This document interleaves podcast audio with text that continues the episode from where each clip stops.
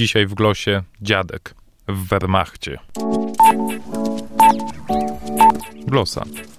Podcast o nowych książkach. www.glosa.info Paweł Adam Piotrowicz. Zapraszam. Dziadek w Wehrmachcie to hasło chyba każdemu znane. Kampania prezydencka sprzed dwóch lat. O dziadka w Wehrmachcie oskarżony został Donald Tusk. A teraz mamy książkę Dziadek w Wehrmachcie, napisaną przez Barbarę Szczepułę, reporterkę Dziennika Bałtyckiego wydawanego w Gdańsku, która zajęła się tematem dziadka w Wehrmachcie. Ale nie tylko dziadka Tuska, ale również innych osób, które na Pomorzu wcielane były do Wehrmachtu. Na 82 stronie tego mega reportażu znalazłem taką oto charakterystyczną wypowiedź Stefana L. We wrześniu 1943 roku dano mi do wyboru Wehrmacht albo Stutthof. Wybrałem wojsko, bo wiedziałem, że obóz to śmierć, a chciałem żyć. Miałem 19 lat. Byłem sam jak palec. Ojciec nie żył. Matka i rodzeństwo poukrywani po ludziach. Dokąd miałem uciekać? Gdy wyjeżdżaliśmy ze Stargardu, już w mundurach Wehrmachtu, śpiewaliśmy Boże coś Polskę. Przecież byliśmy Polakami, harcerzami, patriotami. Później Stefan L. wspomina kontakt z Kanadyjczykami pod koniec wojny. Pokazałem zdjęcie ojca w polskim mundurze, które na szczęście miałem przy sobie. To uprawdopodobniło moją historię. Ojciec polski, oficer, a ty w Wehrmachcie? Dziwili się, bo kto tam rozumiał ten cały historyczny galimatias? No właśnie, kto tam rozumiał? Kto rozumie go teraz? Zapytałem o to Barbarę Szczepułę. Zapytałem, jak powstawały jej reportaże. Barbara Szczepuła, autorka Dziadka w Wehrmachcie. Od początku miałam zamiar nie pisać tylko o y, Józefie Tusku, czyli o dziadku Tuska, tylko po prostu o y, także innych, y, innych przykładach, dlatego że no jednak to była tutaj na Pomorzu no nie jednostkowy przypadek, tylko właśnie no dosyć powszechny.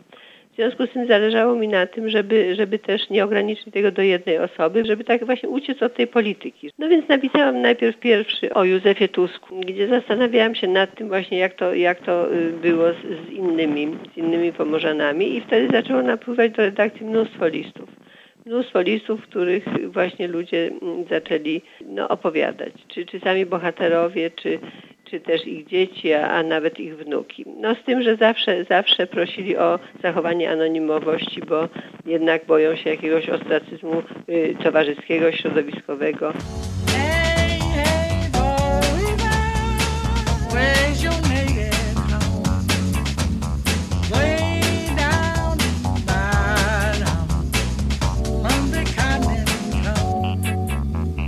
Dzisiaj rozmawiam z Barbarą Szczepułą o dziadku w Wehrmachcie. Ale nie chodzi nam o tę sprawę polityczną, która rozgrzewała dyskusję przed wyborami dwa lata temu, tylko o losy Kaszubów, którzy siłą wcielani byli do Wehrmachtu w czasie II wojny światowej. Skąd to się wzięło? Kim w ogóle są Kaszubi? mówi Barbara Szczepuła, autorka reportaży o Kaszubach, Polakach w Wehrmachcie. Kaszubi nie tylko czują się, Kaszubi są Polakami, natomiast po wojnie właśnie przez to, że Kaszubi byli no, jako mieszkańcy Pomorza byli wcielani siłą do tego Wehrmachtu, to po wojnie byli traktowani przez władze komunistyczne właśnie jako, jako Niemcy. No, do Kaszubów odchodzono bardzo nie, nieufnie, traktując ich jak Niemców całe lata, całe dekady kwestia obecności Polaków w Wehrmachcie traktowana była jako tabu. Nie mówiło się o tym. Dopiero reportaże Barbary Szczepuły ruszyły lawinę.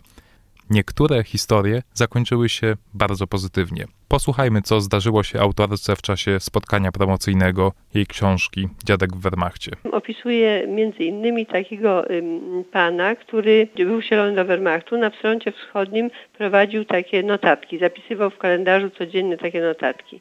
Następnie schował to gdzieś, miał to schowane tam w szufladzie, i, a jego dzieci w ogóle o tym nie wiedziały. Kilka lat temu, nie wiem, ze dwa lata temu, jego dorosły, już całkiem dorosły, ten 50-letni syn, znalazł nagle zupełnym przypadkiem ten kalendarzyk. A jak mówię, nie wiedział o tym, że ojciec był w Wehrmachcie, wiedziała tylko żona. I przeżył szok. Przeżył szok i w ogóle nie potrafił sobie z tym poradzić i ten pan niesłychanie to przeżywał, bo, bo to jednak jakoś tam wpłynęło na ich stosunki, bo ten syn nie mógł tego zrozumieć Jak to mogło być, jak to było możliwe, że on był w Wehrmachcie.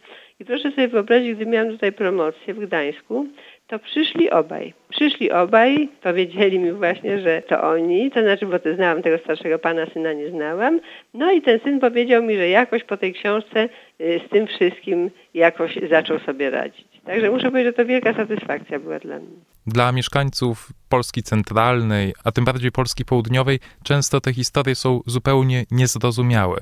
Wiele osób nie jest w stanie pojąć, że podpisanie Volkslisty na Pomorzu oznaczało coś zupełnie innego niż podpisanie Volkslisty w generalnym gubernatorstwie. Na południu była to zazwyczaj decyzja całkowicie dobrowolna. Kto chciał współpracować z najeźdźcami, ten podpisywał. Na Pomorzu większość ludzi była do tego zmuszana.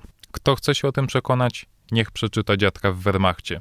Polecam tę książkę. To jest jedna z tych pozycji, które naprawdę poszerzają horyzonty. W odniesieniu do tej książki nie jest to puste hasło. Książkę Dziadek w Wehrmachcie Barbary Szczepuły wydało wydawnictwo Słowo, Obraz, Terytoria.